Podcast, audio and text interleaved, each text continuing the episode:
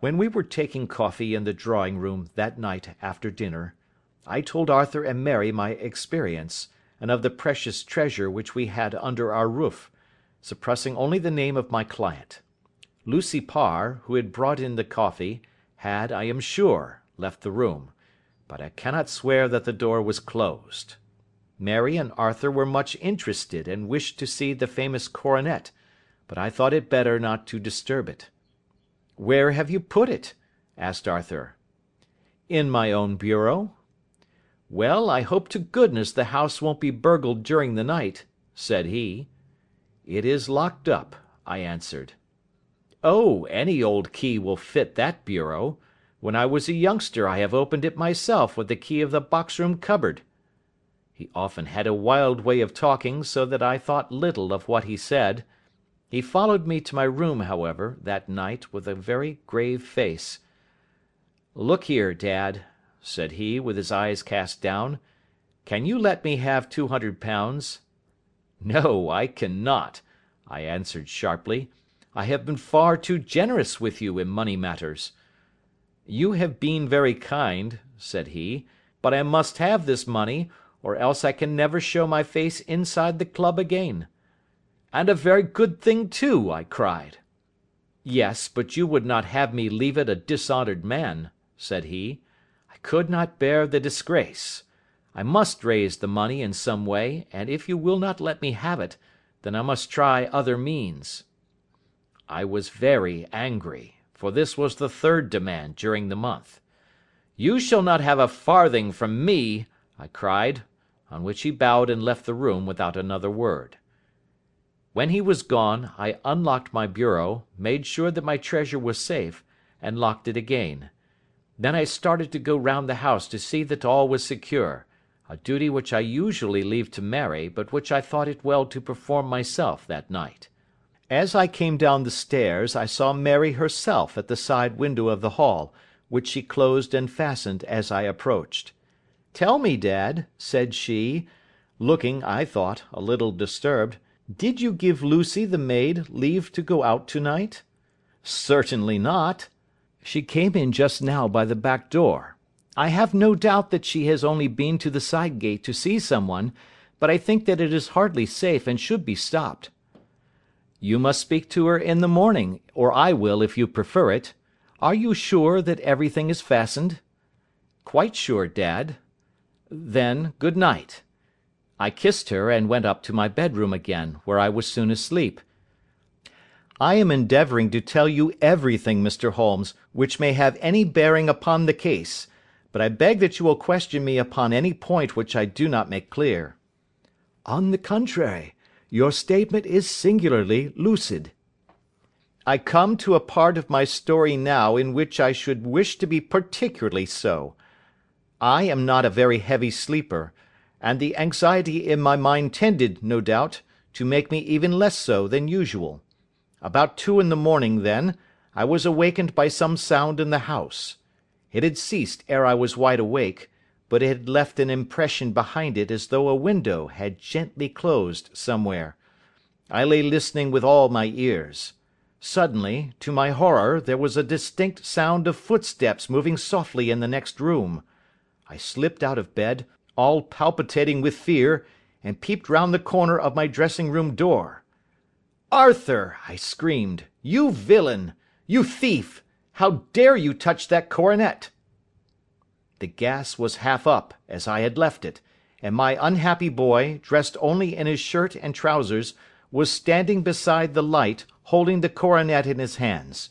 He appeared to be wrenching at it, or bending it with all his strength. At my cry he dropped it from his grasp and turned as pale as death.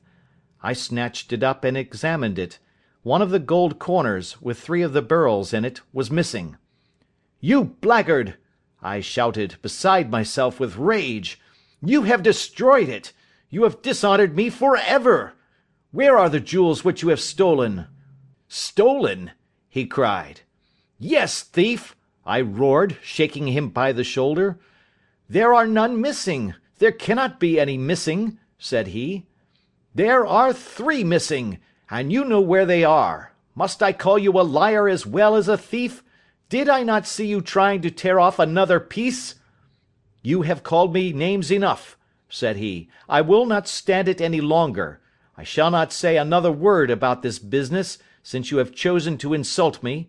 I will leave your house in the morning, and make my own way in the world.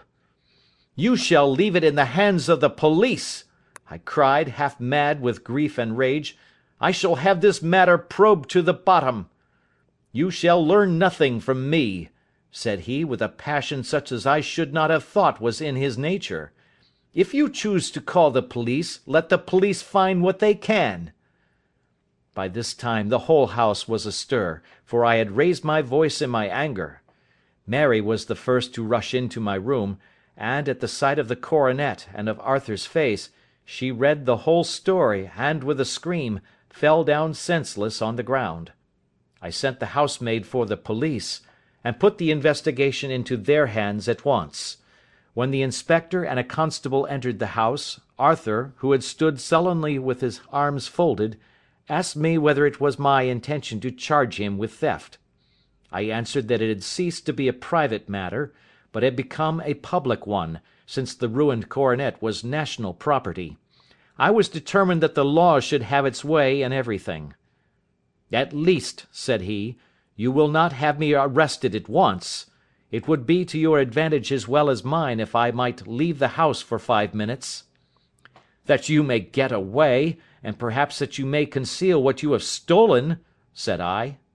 And then, realizing the dreadful position in which I was placed, I implored him to remember that not only my honour but that of one who was far greater than I was at stake, and that he threatened to raise a scandal which would convulse the nation.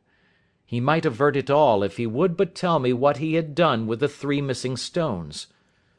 You may as well face the matter, said I. You have been caught in the act, and no confession could make your guilt more heinous.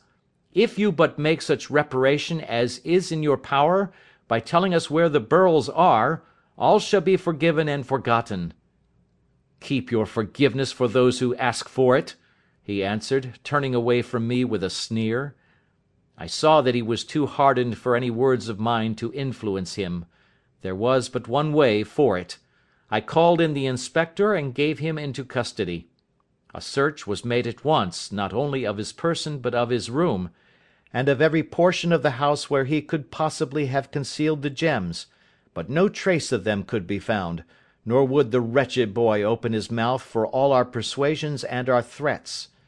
This morning he was removed to a cell, and I, after going through all the police formalities, have hurried round to you to implore you to use your skill in unravelling the matter.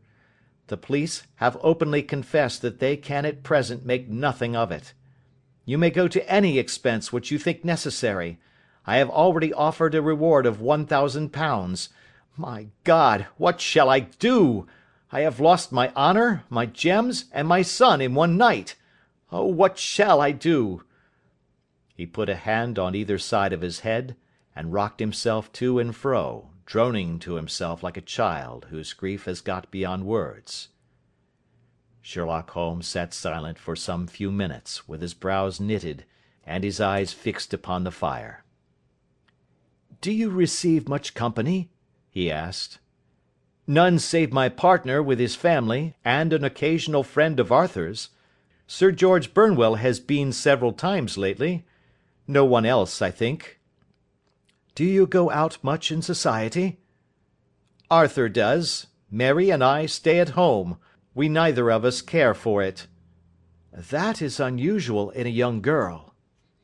She is of a quiet nature. Besides, she is not so very young. She is four and twenty. This matter, from what you say, seems to have been a shock to her also. Terrible! She is even more affected than I. You have neither of you any doubt as to your son's guilt? How can we have, when I saw him with my own eyes with the coronet in his hands? I hardly consider that a conclusive proof. Was the remainder of the coronet at all injured? Yes, it was twisted. Do you not think, then, that he might have been trying to straighten it? God bless you! You are doing what you can for him and for me. but it is too heavy a task. What was he doing there at all? If his purpose were innocent, why did he not say so?" "Precisely. And if it were guilty, why did he not invent a lie? His silence appears to me to cut both ways. There are several singular points about the case. What did the police think of the noise which awoke you from your sleep?" "They considered that it might be caused by Arthur's closing his bedroom door." "A likely story. As if a man bent on felony would slam his door so as to wake a household. What did they say then of the disappearance of these gems?" "They are still sounding the planking and probing the furniture in the hope of finding them." "Have they thought of looking outside the house?" "Yes, they have shown extraordinary energy.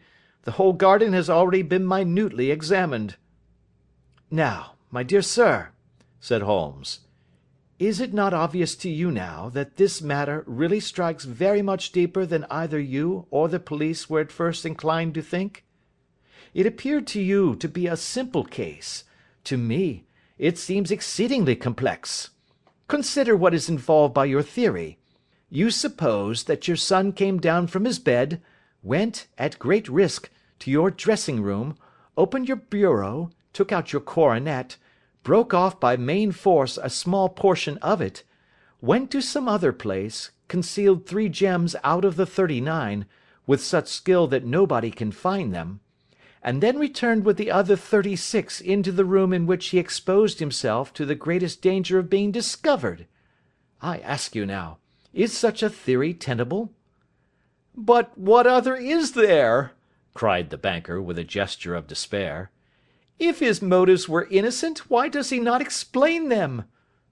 "It is our task to find that out," replied Holmes. "So now, if you please, Mr. Holder, we will set off for Streatham together, and devote an hour to glancing a little more closely into details. My friend insisted upon my accompanying them in their expedition, which I was eager enough to do, for my curiosity and sympathy were deeply stirred by the story to which we had listened. I confess that the guilt of the banker's son appeared to me to be as obvious as it did to his unhappy father, but still I had such faith in Holmes's judgment that I felt there must be some grounds for hope as long as he was dissatisfied with the accepted explanation. He hardly spoke a word the whole way out to the southern suburb, but sat with his chin upon his breast and his hat drawn over his eyes, sunk in the deepest thought. Our client appeared to have taken fresh heart at the little glimpse of hope which had been presented to him, and he even broke into a desultory chat with me over his business affairs. A short railway journey and a shorter walk brought us to Fairbank, the modest residence of the great financier.